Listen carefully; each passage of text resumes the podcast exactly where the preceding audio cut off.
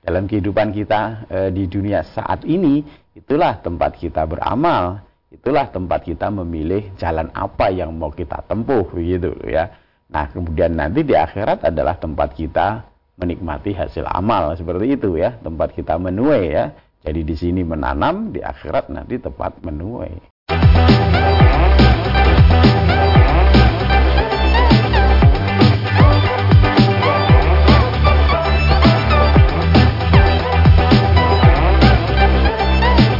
Bismillahirrahmanirrahim Assalamualaikum warahmatullahi wabarakatuh Saudara pemirsa channel terpilih MTA TV di mana pun Anda berada Puji syukur Alhamdulillah senantiasa kita panjatkan kehadirat ilahi Rabbi Allah subhanahu wa ta'ala Atas kenap karunia nikmat dan juga rahmatnya untuk kita semua Di perjumpaan awal aktivitas pagi hari ini Kita jumpa kembali di program unggulan Fajar Hidayah Dan Alhamdulillah sudah hadir Ustadz Dr. Insinyur Didi Joko Susilo IPM yang nanti akan melanjutkan pelajaran sekaligus memberikan pencerahan untuk kita semua di kesempatan kali ini.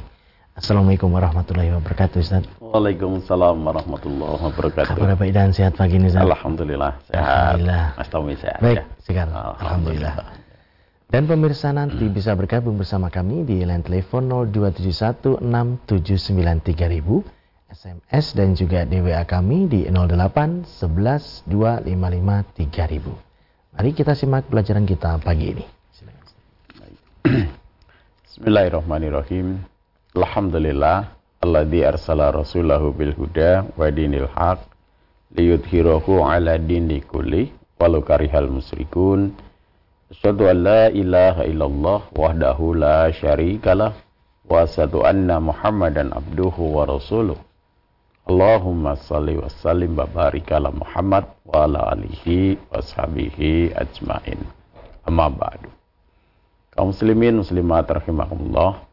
Alhamdulillah puji syukur mari senantiasa kita panjatkan kehadirat Allah Subhanahu wa taala atas curahan rahmat, kasih sayang, hidayah yang Allah karuniakan kepada kita sehingga kita menjadi hamba-hamba yang senantiasa meyakini bahwa Allah Subhanahu wa taala adalah Robnya, Tuhannya yang menciptakannya, yang memberi rizkinya, yang insya Allah kita akan dikembalikan kepadanya. Jika kemudian dalam rangka persiapan untuk kembali kepada Allah Subhanahu wa taala, kita senantiasa berusaha untuk e, melaksanakan perintah-perintah Allah Subhanahu wa taala yang pada saat yang sama kemudian kita berusaha untuk menjauhkan diri kita dari hal-hal yang dilarang oleh Allah Subhanahu wa taala. Nah, tentu ketika kemudian kita berusaha untuk bersungguh-sungguh e, dalam hal itu, kita berharap agar e, cintanya Allah, kasih sayangnya Allah diberikan kepada kita. Agar kita kemudian digolongkan oleh Allah Subhanahu wa taala sebagai hamba-hambanya yang bertakwa kepada Allah. Nah, ketika kembali kepada Allah Subhanahu wa taala tentu keberuntungan ya, kebaikan akan diperoleh, akan didapat oleh hamba yang bertakwa kepada Allah Subhanahu wa taala. Sudah sering, sudah banyak kita jumpai bahwa uh, di dalam ayat-ayat Allah Subhanahu wa taala bahwa yang Allah siapkan untuk orang yang bertakwa, orang yang dalam kehidupan di dunia ini mau berpayah-payah ya untuk melaksanakan perintah Allah dengan segenap kemampuannya ya memberikan potensi yang dimilikinya untuk taat kepada Allah Subhanahu wa taala melaksanakan perintah semua perintah yang ketika kemudian dia dengar dia kemudian renungkan bahwa memang apa yang Allah perintahkan itu adalah al-haq, satu kebaikan, maka kemudian menggugah dirinya untuk menggerakkan e, jasmaninya menuju kepada jalan-jalan yang diperintahkan oleh Allah Subhanahu wa taala dengan berusaha bersungguh-sungguh begitu. Kemudian e, pada e, ketika dia tahu bahwa amal perbuatan perilaku ini kemudian dicegah, dilarang oleh Allah dan Rasulnya, maka dia pun juga e, bersungguh-sungguh untuk menjauhkan dari perbuatan-perbuatan tersebut. Nah, tentu orang-orang yang begini ketika kembali kepada Allah Subhanahu wa taala akan memperoleh tempat kembali yang berbeda dengan orang yang di dalam kehidupan di dunia ini tidak peduli ya dengan apa seruan Allah, apa perintah Allah begitu. Tidak peduli dengan apa larangan Allah itu, apa yang dicegah oleh Allah dan Rasulnya, tidak peduli. Yang dipedulikan adalah hawa nafsunya, yang dipedulikan adalah kesenangannya gitu Kalau saya senang, hawa nafsu senang, saya lakukan. Nah, kalau hawa nafsu saya tidak suka, tidak saya lakukan. Nah, seperti itu. Ya. Nah, sehingga kemudian tidak e, memperdulikan lagi ini perintah, ini larangan. Tidak peduli lagi ini halal, ini haram gitu. Nah, tentu e, apa yang nanti akan didapat uh, pasti berbeda begitu dan uh, akal kita pun juga akan sependapat bahwa tentu kesudahannya akhirnya jelas berbeda begitu loh uh, tidak fair tidak adil ketika kemudian orang yang mengambil uh, perilaku yang bertentangan berpisah uh, 180 derajat begitu ya yang satu berusaha sungguh-sungguh untuk taat kepada Allah seruan-seruan Allah perintah Allah ditunaikan ya. Uh, ajakan-ajakan Allah kemudian berusaha bersungguh-sungguh untuk diikuti begitu. Larangan-larangan Allah kemudian berusaha untuk ditinggalkan. Sementara yang satu berada pada sisi kebalikannya gitu.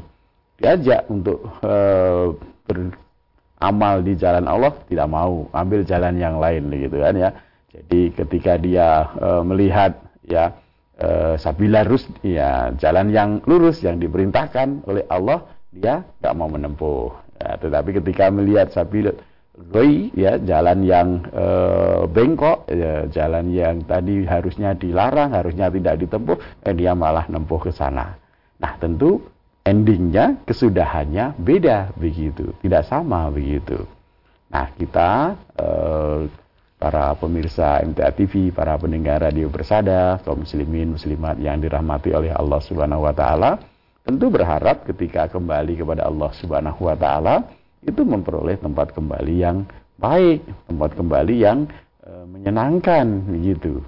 Nah, sebagaimana Allah Subhanahu wa taala sudah e, buat aturan gitu ya dalam kehidupan di dunia. Jadi rule aturan Allah ini itu ya buat kita dalam kehidupan di dunia gitu Bukan nanti di akhirat karena e, tempat kita memilih, tempat kita beramal itu di dunia ini gitu kan ya. Dalam kehidupan kita e, di dunia saat ini itulah tempat kita beramal, itulah tempat kita memilih jalan apa yang mau kita tempuh begitu ya. Nah, kemudian nanti di akhirat adalah tempat kita menikmati hasil amal seperti itu ya. Tempat kita menuai ya. Jadi di sini menanam di akhirat nanti tepat menuai. Jadi tidak ada kemudian kita mau beramal nanti di akhirat kan seperti itu. Maka rule-nya dibuka dibentangkan oleh Allah Subhanahu wa taala tentu dalam eh, firman-firman uh, Allah tentu di dalam uh, Al-Qur'an tentu di dalam contoh-contoh uh, yang diberikan oleh utusan Allah Rasulullah Muhammad Sallallahu Alaihi Wasallam. Nah, tugas kita untuk mengerti, untuk mengenal, begitu ya, eh, jalan-jalan eh, yang dikehendaki oleh Allah, yang diperintahkan oleh Allah Subhanahu Wa Taala itu yang mana, begitu, yang seperti apa, yang eh, oleh Allah sudah diberikan ya petunjuknya di dalam Kitabullah ini, begitu. Nah, maka eh, orang-orang yang mau menempuh, mau berpayah-payah untuk taat kepada Allah untuk uh, dengan apa dengan uh, potensi nikmat yang Allah berikan ya dengan panca indranya dengan uh, jasmaninya dengan rizkinya yang Allah anugerahkan kepadanya kemudian dibawa untuk uh, memenuhi panggilan-panggilan Allah seruan-seruan Allah kemudian e, menjauhkan dirinya dari hal-hal yang dilarang oleh Allah Subhanahu wa taala. Tentu kesudahannya e, beda gitu ya. Yang yang Allah tetapkan untuk memperoleh kesudahan yang baik itu adalah orang-orang yang tadi e, di dalam kehidupan di dunia ini berusaha membawa dirinya ya untuk e, tunduk patuh taat mendengar ya kemudian mengikuti gitu kan apa yang Allah serukan gitu kan. Untuk berusaha menjadikan dirinya sebagai orang-orang yang e, bahasa sederhananya orang baik gitu kan. Muhsinin orang yang berbuat baik gitu ya orang yang berusaha kalau kita kamarnya kita sekarang mungkin melihat orang baik kan e, mudah begitu kan ya.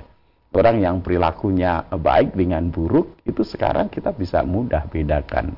Orang yang tutur katanya baik dengan orang tutur katanya tidak baik kan kelihatan begitu Nah, orang yang memperoleh kesudahan e, baik nanti di sisi Allah Subhanahu wa taala adalah orang yang dalam kehidupan di dunia ini e, secara sederhana orang baik gitu ya.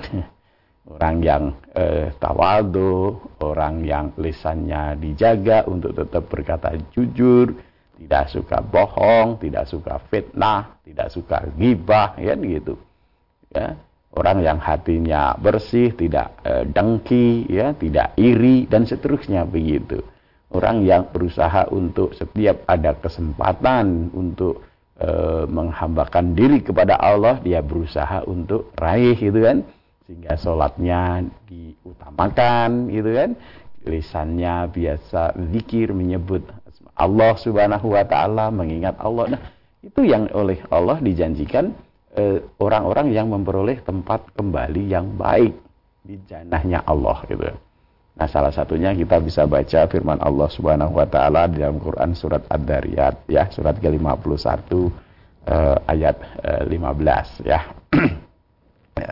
Ayat, lain juga insya Allah banyak kita baca salah satunya ini ya surat Ad-Dariyat ayat 51 eh, ayat 15.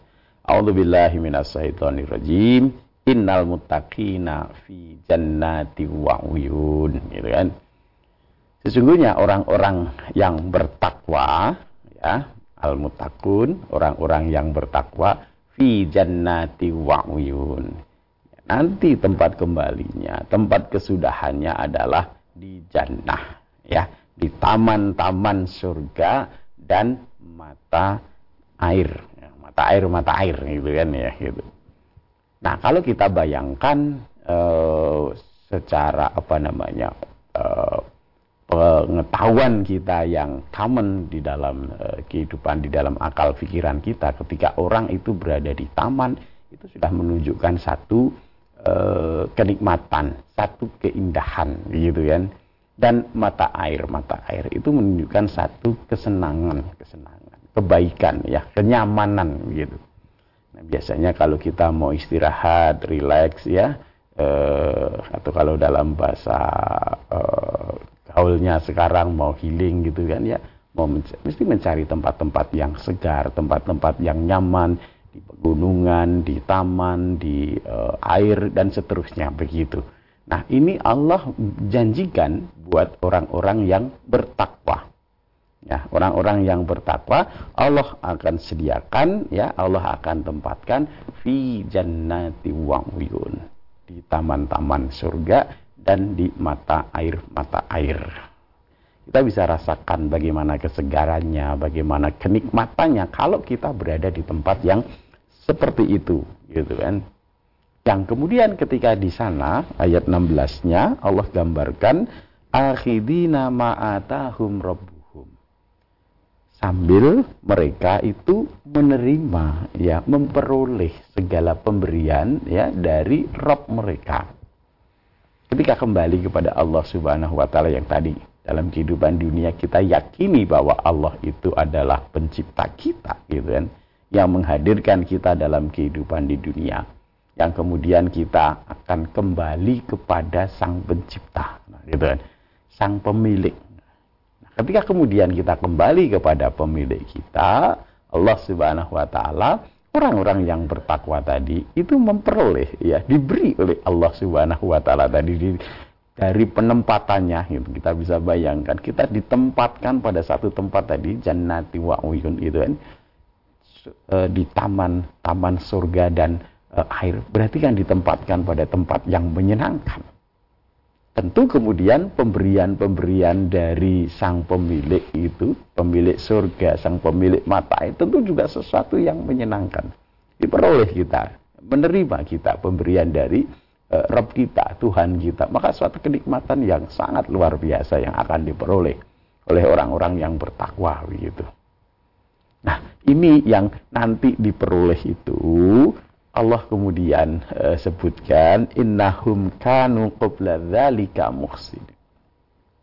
Mereka yang memperoleh itu gitu ya, orang-orang yang oleh Allah tempatkan tadi di tempat yang eh, taman-taman surga penuh mata air ya yang kemudian mendapat pemberian, mendapat hidangan, mendapat ya, apa yang uh, Allah Rabb ya pemilik itu berikan itu dalam kehidupan di dunia mereka ya sebelum itu innahum kanu qabla dzalika uh, muhsinin. Mereka sebelum itu ya ketika hidup di dalam kehidupan di dunia ini mereka adalah orang-orang yang berbuat kebaikan gitu para pelaku-pelaku kebaikan, bukan orang yang dalam kehidupan di dunia ini senantiasa memperturutkan hawa nafsunya. Saya pengen ini, tidak tahu ini halal, tidak tahu ini haram, pokoknya saya mau, saya suka. Bukan begitu. Tapi orang yang e, dalam kehidupan di dunia ini memilih terus ya jalan-jalan kebaikan, berbuat kebaikan terus, berbuat kebaikan. Dengan segala potensi nikmat yang Allah berikan kepadanya ya. Dengan senantiasa berusaha mengingat Allah Subhanahu wa taala, mengingat terus bahwa dirinya adalah e, hambanya Allah yang dihadirkan oleh Allah Subhanahu wa taala dalam kehidupan ini untuk mengabdi, untuk mendengar perintah Allah, untuk taat kepada perintah Allah Subhanahu wa taala. Makanya dikatakan di ayat 17-nya kanu qalilan minal laili ma mereka itu adalah orang yang sedikit sekali tidur di waktu malam gitu. Nah, ini dah di pertemuan yang lalu kita bahas bagaimana keutamaan waktu yang eh, tengah malam, waktu sepertiga malam untuk mengingat eh, Allah Subhanahu wa taala untuk mentautkan hati kita terus senantiasa eh, ingat bahwa kita ini hambanya Allah kita ini makhluknya Allah, kita ini diperintahkan oleh Allah untuk melakukan kebaikan-kebaikan. Nah, di sepertiga malam yang e, kita kemudian bisa bangun, berdiri, mengingat Allah, sholat malam, yang kemudian e, istighfar, mohon ampun kepada Allah, yang kemudian berdoa, mohon kepada Allah, menunjukkan bahwa kita ini hambanya Allah gitu. Kita ini bergantung kepada Allah tidak menunjukkan kesombongannya, waduh saya sudah punya apa-apa sehingga kemudian tidak butuh Allah gitu ya. Tidak, tidak, saya sudah cukup ini kehidupan saya dunia sehingga kemudian lupa berdoa kepada Allah, lupa memohon kepada Allah Subhanahu wa taala begitu. Padahal apa yang kita peroleh ini tidak lain adalah pemberian dari Allah Subhanahu wa taala. Gitu. Maka kesombongan pada diri kita muncul nanti, lupa bahwa kita pasti akan kembali kepada Allah. Lupa bahwa apa yang ada pada kita yang kita miliki apakah itu harta itu bisa hilang e, pendudukan bisa hilang kekuatan bisa hilang kesehatan bisa hilang dari diri kita. Itu e, lupa jika tidak pernah memohon kepada Allah tidak pernah berdoa kepada Allah Subhanahu wa taala sombong pada diri kita begitu tetapi orang yang e, berbuat baik tadi pelaku-pelaku kebaikan tadi tidak ketika manusia sebagian e, memilih tidur, dia memilih bangun di sepertiga malam yang akhir. Di tengah malam dia bangun berdiri datang kepada Robnya, datang kepada Tuhannya gitu. Yang kemudian di ayat 18 dikatakan wabil ashari hum yastaghfirun. Dan pada waktu sahur mereka istighfar, mohon ampun pada Allah Subhanahu wa taala ya. Waktu sahur yang kita selama bulan Ramadan kemarin dilatih terbiasa untuk bangun di waktu sahur karena mau makan sahur. Nah, maka ini satu para pelaku kebaikan ini yang orang-orang membiasakan bangun di e, malam hari di sepertiga malam di waktu sahur kemudian memohon ampun kepada Allah Subhanahu wa taala.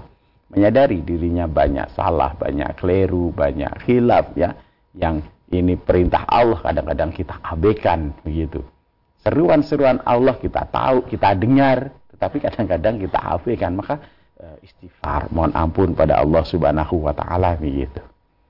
Yang kemudian ya dalam uh, implementasinya juga dia kalau pelaku-pelaku kebaikan ini ya yang dengan nikmat tadi saya katakan dia melakukan kebaikan dengan segala potensi nikmat yang Allah berikan kepadanya termasuk dengan hartanya wa fi amwalihim haqqul lisaili wal mahrum dan pada harta-harta mereka ada hak untuk orang-orang miskin baik yang meminta maupun yang tidak meminta gitu. Jadi ketika Allah berikan karunia, Allah berikan e, kelebihan, Allah berikan rezeki, dia tidak kemudian untuk memuaskan hawa nafsunya saja. Tetapi dia akan share, dia akan bagi dengan temannya, dengan kerabatnya, dengan tetangganya gitu. Sehingga ini nanti membersihkan dirinya dari jiwa-jiwa kebakilan ya yang kadang-kadang sering kali juga ketika Allah karuniakan kepada kita harta yang cukup Selain kemudian tadi e, muncul kebakilan, sering juga kemudian muncul kesombongan pada diri kita, merendahkan e, teman kita, tetangga kita, saudara kita yang lain. Yang kemudian kalau sombongan itu diturutkan, membuat dia lupa dengan sang pemberi rezeki, lupa kepada Allah. Seolah-olah apa yang dia peroleh karena kepintarannya dia, karena ilmu yang ada pada dirinya, lupa bahwa itu adalah karunia dari Allah Subhanahu wa taala. Yang kemudian eh, apa yang Allah anugerahkan tidak dibawa untuk menuju taat kepada Allah Subhanahu wa taala, tapi kadang-kadang malah digunakan untuk bermaksiat kepada Allah Subhanahu wa taala, memperturutkan hawa nafsu. Kita lihat pada zaman kita sekarang ya. Begitu banyak ya orang yang kemudian karena tadi nikmat yang Allah berikan terjerumus kepada hal-hal memperturutkan hawa nafsu. Karena banyaknya mungkin hartanya sehingga lebih dari cukup untuk memenuhi perut, untuk memenuhi makan, maka kemudian digunakan untuk mem, e, memperturutkan hawa nafsu. Membuat kegiatan-kegiatan, misalkan party-party kalau malam hari, sehingga kemudian di malam yang mestinya digunakan untuk mengingat Allah, ya rukuk sujud mengingat Allah, berzikir mengingat Allah, tetapi terlalaikan untuk ya nongkrong-nongkrong, untuk menghabiskan malamnya dengan tadi bersenang-senang, memperturutkan hawa nafsu. Karena mungkin hartanya cukup. Nah, begitu. Sehingga melalaikan dia untuk mengingat Allah Subhanahu wa taala. Maka kaum muslimin muslimat rahimahullah belajar dari ayat ini bahwa e, nasib baik yang akan kita terima ya bagian kebaikan yang akan kita terima nanti ketika kembali kepada Allah Subhanahu wa taala yang dijanjikan oleh Allah untuk orang yang bertakwa itu harus kita raih mulai dari kehidupan kita yang sekarang. Oleh karena itu, tidak ada kemudian kita e, kata untuk kemudian tidak berbuat baik harusnya kita mulai memperbaiki diri kita dan mengisi kehidupan kita dengan kebaikan-kebaikan sehingga ketika kita kembali kepada Allah Subhanahu wa taala kita akan memperoleh tempat kembali yang baik. Karena kita juga tidak tahu kapan saatnya kita dipanggil menghadap Allah Subhanahu wa taala. Oleh karena itu yang terbaik adalah segera persiapkan diri kita, segera hiasi diri kita dengan kebaikan-kebaikan sehingga ketika kembali kepada Allah Subhanahu wa taala kita digolongkan sebagai orang yang bertakwa kepada Allah Subhanahu wa taala. Demikian mudah-mudahan bermanfaat mengingatkan kita bersama. Ya. Baik pemirsa, kami harapkan Anda bisa bergabung bersama kami di line telepon 0271 679 3000, SMS dan juga di WA kami di 08 11 255 3000. Namun sebelumnya kita akan simak beberapa informasi dalam rangkaian jeda pariwara berikut ini. Baik saudaraku pemirsa channel terpilih MTA TV di mana pun Anda berada, terima kasih Anda masih setia bersama kami, khususnya di program unggulan Fajar Hidayah pagi ini. Kesempatan pertama kami persilahkan di line telepon 02716793000 untuk bisa bergabung. Halo, Assalamualaikum. Halo, Assalamualaikum. Halo, Assalamualaikum. Ya, silakan Halo. Bapak atau Ibu sudah bisa bergabung, silakan. Halo, Assalamualaikum. Ya. Assalamualaikum Ustaz. Waalaikumsalam warahmatullahi wabarakatuh. Baik, mohon bisa dikecilkan atau dimatikan saja volume di televisi atau radionya.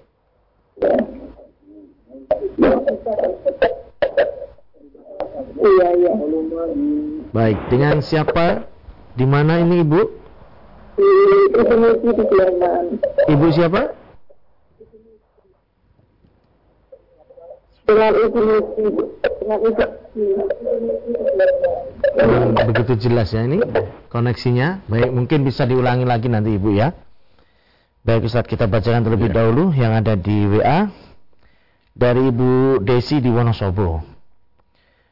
Ustadz, seharusnya seorang laki-laki sholat wajib lima waktu berjamaah di masjid untuk mendapatkan pahala berjamaah. Ya. Tetapi istri sholat sendiri di rumah atau tidak dapat ke masjid sehingga tidak mendapatkan pahala sholat berjamaah. Dan saya sekarang sholat wajib lima waktu berjamaah dengan istri di rumah supaya saya dan istri dapat pahala berjamaah. Oh berarti Pak Dasi ya nih, Pak Dasi di, Ya, Pak ya. Dasi di Wonosobo ya. D. Eh, berarti yang ditanyakan Apakah yang demikian sudah tepat atau tidak Ustaz? Mohon nasihatnya. Tadi kan Ah. se- se- semula kan sholat di masjid. ya, ya bapaknya. bapak suami Nah, karena istrinya tidak bisa, ah, di akhirnya rumah. bapaknya di rumah Eh, sama, jadi sama istri sekarang gitu. bapaknya tidak eh, jamaah ke masjid, Tidak ke masjid, ya. jadi jamaah dengan istri di rumah. Ya. Ya, kalau jamaahnya ya tentu eh, jamaah kan itu sudah dilakukan eh, sholatnya bersama eh, istrinya. Jadi jamaah itu sholat yang dilakukan eh, paling tidak dengan dua orang, satu jadi imam, satu jadi makmum. Kalau tadi bapak sudah eh, jadi imam, kemudian istri makmum, itu berarti ya sudah sholat jamaah, tidak sholat sendiri. Nilainya ya sholat jamaah. Tetapi tentu berbeda kebaikannya dengan eh, sholat eh, berjamaah di masjid sebagaimana eh, tuntunan dari Rasulullah Sallallahu Alaihi Wasallam ya. Eh, keutamaannya bagi para laki-laki ya sholat eh, berjamaah di masjid dengan kaum muslimin yang lain dengan saudaranya yang lain gitu.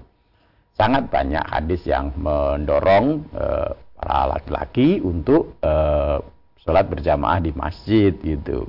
Bahkan ada satu hadis yang eh, Rasulullah berkehendak untuk ya ini apa namanya para laki-laki kumpulin sholat jamaah di masjid. Kemudian beliau akan keliling itu kan. Eh, laki-laki mana yang tidak ke jamaah ke masjid itu yang masih di rumah itu eh, akan dihasung untuk eh, ke masjid begitu.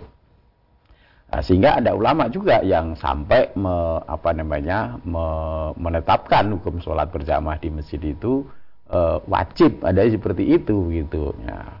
Tapi tentu eh, dari sekian banyak dalil kita bisa pahami bahwa eh, sholat jamaah di masjid itu ya eh, apa namanya di- dikuatkan ya, di, di, diutamakan seperti itu gitu. Nah, tetapi kalau misalkan sholat eh, tadi di rumah dengan istrinya itu ya berjamaah, cuman kebaikannya tidak dapat karena dalam hadis Nabi Sallallahu Alaihi Wasallam pun juga diberikan kegembiraan kita ketika berangkat melangkahkan kaki ke masjid itu satu langkah kaki mengangkat derajat, eh, satu langkah kaki menghapus eh, dosa kesalahan kita gitu kan. Kemudian duduk diam di masjid menunggu sholat itu juga satu kebaikan yang nilainya besar gitu. Jadi kalau tadi jamaah ya jamaahnya dapat tetapi tidak dapat kebaikan-kebaikan yang di masjid.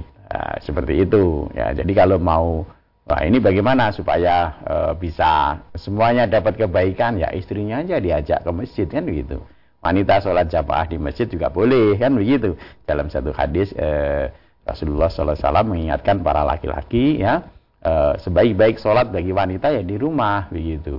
Eh, di rumah bisa sholat dengan keluarganya istri bapak tadi bisa sholat berjamaah dengan anak-anak bapak kan seperti itu dengan keluarga yang di rumah begitu tetapi eh, para suami juga tidak boleh melarang kalau istrinya mau ke masjid ya. Dengan catatan-catatan tertentu seperti tidak memakai wangi-wangian yang mencolok dan seterusnya seperti itu. Apalagi kalau berangkatnya bareng dengan bapak itu kan diboncengin kan sudah terjaga gitu. Apalagi di masjidnya juga ada tempat sholat khusus yang untuk wanita jamaahnya dipisah kan terjaga semuanya. Monggo gitu. Jadi itu bisa dilakukan jadi tetap sekali lagi Bapak kebaikan bagi laki-laki ya sholat jamaahnya di masjid. Seperti itu. Kalau Ya. tadi ditanyakan sekarang saya di rumah eh, apa namanya mengimami istri saya apakah jamaah? Ya sudah jamaah itu. Sholat jamaah itu ketika ada imam ada makmum. Minimal dua orang. Tapi kalau e, jamaahnya lebih banyak itu sholatnya lebih baik. Ada hadis yang menyebutkan begitu. Ya. Jadi kalau sholat berdua bertiga dengan berdua ya lebih baik bertiga berempat dengan bertiga ya lebih baik berempat nah seperti itu gitu jadi banyak kebaikan-kebaikan yang akan diperoleh ketika kita e, berjamaahnya di masjid demikian bapak ya kita kembali di telepon, pemirsa, di 02716793000. Halo, Assalamualaikum. Halo, Assalamualaikum. Waalaikumsalam warahmatullahi wabarakatuh. Ya, dengan siapa di mana Bapak? Waalaikumsalam warahmatullahi wabarakatuh. Siapa di mana Bapak? Yang Bahadi di Palembang. Ya, silakan Pak Adi. Assalamualaikum Ustaz Nahomi. Waalaikumsalam warahmatullahi wabarakatuh. Ini Ustaz, ini ada pertanyaan, cuma saya tidak bisa menjawab, maka saya tanyakan di sini. Di tempat saya itu ada pengusaha ilegal. Apa Pak? Usahanya, Pengusaha ilegal ya Pak? ya usaha ilegal alias bodong. Ya usaha gelap. Usahanya itu mencari minyak bumi dengan jalan pengeboran. Hasilnya bagi-bagi. Untuk pemilik tanahnya sekian persen, kepala desa sekian persen, untuk polisi sekian persen. Ini kalau dikaitkan dengan ayat yang berbunyi Atinullah wa atinur rasul wa uli amri Nah itu saya yang begini ini halal atau haram Ustaz? Mohon penjelasannya. Terima kasih. Wassalamualaikum warahmatullahi wabarakatuh. Waalaikumsalam warahmatullahi wabarakatuh. Ya, jadi eh, kayak tadi dikatakan legal atau ilegal itu kan kaitannya dengan eh, regulasi peraturan pemerintah kan seperti itu Bapak ya. Jadi eh, kalau misalkan tadi itu ada eh, apa namanya eh, halaman rumahnya gitu kan ya, kemudian eh, dibor begitu, eh, kemudian diambil minyaknya begitu, eh, itu sebenarnya eh, apa namanya ya di tanahnya sendiri kan seperti itu. Eh, tidak masalah dia menggali. Tetapi tentu dalam kehidupan kebersamaan kita ini ada aturan-aturan ada tatanan-tatanan yang memang dibuat untuk kebaikan untuk eh, apa ya keselamatan kita bersama. Seperti itu Bapak. Jadi kaitannya dengan misalkan eh, pengeboran ya itu kan ada apa ya bahasanya ada eh, bahaya-bahaya yang harus diantisipasi. Nah, sehingga eh, kegiatan-kegiatan seperti itu ditata, diatur gitu. Sehingga kemudian tidak masing-masing eh, individu-individu mengeksplorasi sendiri. Apalagi misalkan tadi kaitannya dengan minyak, tentu kan eh, ada undang-undang dasar negara kita bahwa apa yang ada di bumi air ini adalah kekayaan dikuasai oleh negara yang kemudian digunakan sebesar-besarnya untuk kemakmuran rakyat. Jadi kalau tadi misalkan ada potensi untuk usaha seperti itu, ya jangan eh, ilegal, tetapi dibuat legal. Nah, bagaimana supaya legal? Kan tentu ada eh, prosedur yang eh, di, di eh, apa namanya diurus gitu saja, begitu. Jadi yang eh, kalau seperti tadi, tentu kemudian di dalam berusaha kan menjadi tidak tenang gitu loh takut ditangkap polisi, takut di ini kan itu juga tidak membuat menenangkan dirinya. Maka kemudian tadi bayar polisinya seperti itu supaya tidak ditangkap kan jadi eh, kehidupannya jadi tidak tenang, jadi tidak nyaman gitu. Kita itu dalam hidup kan termasuk di dalam maisyah itu kan eh, dituntunkan untuk yang eh, baik, yang halal, yang baik dan halal itu yang menenangkan, menenteramkan seperti itu Bapak. Jadi tinggal apa yang tadi misalkan usahanya ya memang diperkenankan, diperbolehkan begitu ya diurus saja izinnya, di, di ya, sehingga menjadi tidak tidak ilegal sehingga menjadi legal seperti itu. Begitu Pak Adi ya. Ya, baik. Pertanyaan berikutnya di WA kembali dari Ibu Nur di Klaten menanyakan kakak laki-laki saya tahun ini akan naik haji Ustaz. Hmm, iya. Apakah benar kalau nanti di tanah suci semua kebaikan dan keburukan kita selama ini akan dilihatkan di tanah suci? Ya, jadi kita ke tanah suci itu salah satu bentuk ketundukan ketaatan kita kepada Allah Subhanahu wa taala ya. Kita tahu bahwa haji itu adalah salah satu dari rukun eh, Islam kita ya. Kita diseru ya, diperintahkan sebagai orang yang beriman untuk memenuhi ya eh, rukun-rukun Islam kita yang salah satunya adalah haji. Makanya ketika kita berangkat ke sana itu ya kita memang eh, bekalnya adalah rasa ketundukan, ketakwaan kita untuk taat kepada Allah, bukan yang lainnya begitu. Nah, memang e, ada banyak di masyarakat kita yang apa ya bahasa kita ilmu apa cocok cocok cocokologi ya dicocok-cocokkan begitu. Nah sebenarnya ya semua kebaikan dan keburukan kita itu akan ditampakkan oleh Allah ya nanti di hadapan Allah gitu kan gitu. Ketika kembali kepada Allah Subhanahu wa taala ya, semua kebaikan kita akan diungkapkan, ditampakkan oleh Allah. Demikian juga keburukan kita dan kita akan melihat ya wa may ya'mal misqala dzarratin khairan yarah wa may ya'mal misqala dzarratin syarran yarah gitu kan. Barang siapa yang e, berbuat e, kebaikan e, akan melihat, akan mengerti walaupun kebaikannya sebesar darah. Demikian juga keburukan juga e, sama begitu. Nah, kalau kita kemudian mau berangkat haji kemudian sudah dipeseni, nanti awas lu, nanti kamu keburukanmu kan di sana ditunjukin. Artinya di apa e, bah, kalau bahasa Jawa itu sederhananya diwelehke begitu kan gitu. E, kan kita ke sana itu sebagai bentuk ketundukan kita, ingin taat kita kepada Allah Subhanahu wa taala gitu kan. Bukan niat yang lain. Makanya oleh Allah Subhanahu wa taala kalau kita betul-betul berangkat hajinya karena taat kita kepada Allah, karena patuh kita kepada seruan Allah Subhanahu wa taala, laisal jaza tidak tidak ada balasan lain ilal eh, jannah selain jannahnya Allah Subhanahu wa taala gitu. Jadi jangan ditakut-takuti dengan tadi ya Ibu ya, kakaknya di ketika mau berangkat haji hmm. kemudian uh, awas lo mas nanti di sana akan anu lo burukan kamu burukan kamu dan seterusnya. Jangan tidak usah begitu seperti itu.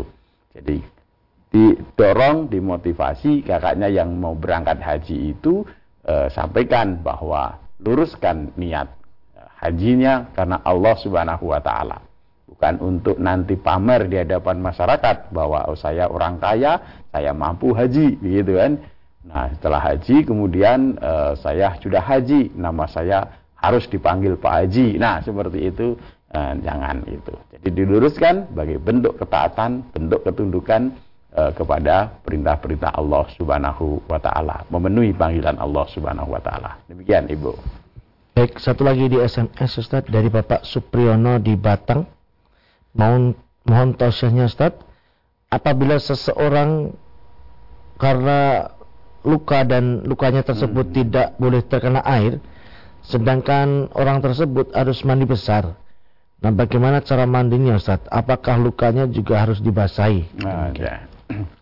Jadi kalau kita belajar dan insya Allah ini berlaku untuk keseluruhan aturan syariat di dalam agama kita, bahwa din ini sifatnya memelihara, menjaga, gitu kan, kebaikan-kebaikan, keselamatan-keselamatan, gitu termasuk kaitannya dengan fisikal tadi begitu. Jadi ketika e, kita kondisi baik, kondisi sehat, tuntunannya ketika kita e, junub, ketika akan sholat maka tuntunannya mandi, gitu kan, mandi.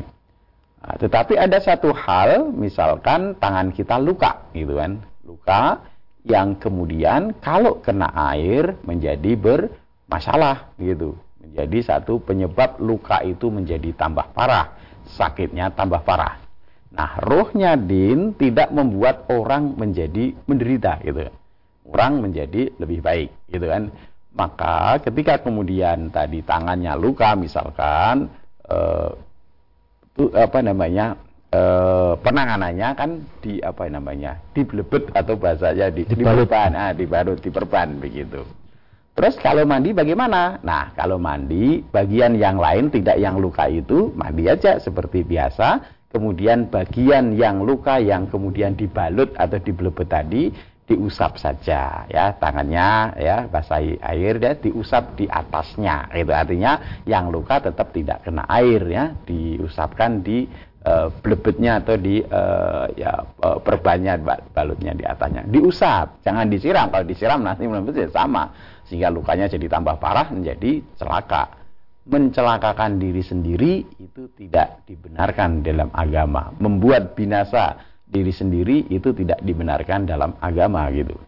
Ada satu riwayat ketika para sahabat sedang safar.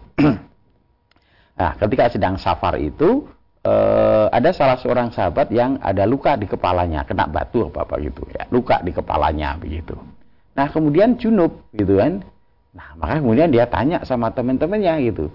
Eh, ini saya eh, junub, ini kepala ada luka. Apakah ada eh, saya boleh apa namanya eh tayamum gitu.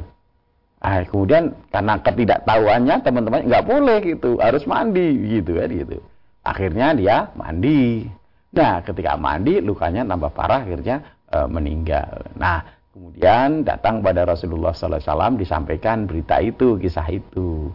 Maka Rasulullah memarahi para sahabat ini ya, tidak benar itu, bukan begitu gitu loh. Kalau nggak tahu tanya begitu kan seperti itu. Tidak betul sebetulnya dia tadi cukup bertayamum ya kan gitu ada di situ kan kondisi masa eh, musafir begitu juga gitu. Maka ini menjadi satu pelajaran untuk kita bahwa din kita itu eh, ruhnya adalah membawa kepada kemudahan, membawa kepada eh, keselamatan, tidak mencelakakan diri kita, tidak menyusahkan kita gitu kan. Sama seperti tuntunan sholat. Sholat itu eh, tuntunannya adalah berdiri gitu kan. Tetapi ketika kemudian ada satu masalah kesehatan sehingga kita tidak kuat berdiri, boleh duduk, gitu kan? Nah, ketika kemudian duduk pun juga ada masalah sehingga kita tidak bisa duduk, boleh dengan berbaring, gitu. Nah, ini kita bersyukur bahwa Allah memberikan banyak kemudahan di dalam kita melaksanakan tuntunan agama kita. Sama juga dengan puasa. Puasa itu menahan lapar, menahan haus gitu kan. Tetapi ketika mungkin ada satu problem diri kita, sakit, sehingga kemudian kita tetap harus minum, tetap harus makan, tetap harus minum obat untuk mempertahankan eh, jiwa supaya sembuh, maka kemudian boleh tidak berpuasa. Nanti kalau sudah sehat diganti di hari yang lain. Nah itulah kemudahan dari eh, syariat-syariat yang Allah berikan pada kita. Maka kembali kepada tadi yang ditanyakan, ya ketika ada luka, kemudian mau mandi eh, janabat, yang luka itu ya ditutup dengan eh, kain atau apa apa dibalut ya dengan perban atau kain itu seperti itu kemudian bagian yang tidak luka yang lain boleh dibasuh eh, boleh disiram air kemudian yang luka tadi cukup diusap saja demikian mudah-mudahan bisa bermanfaat Ya. Kami sampaikan terima kasih atas pelajaran dan tausiahnya kali ini Ustaz. Assalamualaikum warahmatullahi wabarakatuh. Waalaikumsalam warahmatullahi wabarakatuh Baik saudara ke pemirsa channel terpilih MTA TV di mana pun Anda berada. Demikian tadi telah kita simak dan nanti bersama program unggulan Fajar Hidayah pagi ini. Kita jumpa kembali di kesempatan mendatang dan saya Tommy Al-Fatoni pamit undur. Alhamdulillahirrahmanirrahim. Subhanakallahumma wa bihamdika. La ilaha illa anta astaghfiruka wa. Assalamualaikum warahmatullahi wabarakatuh.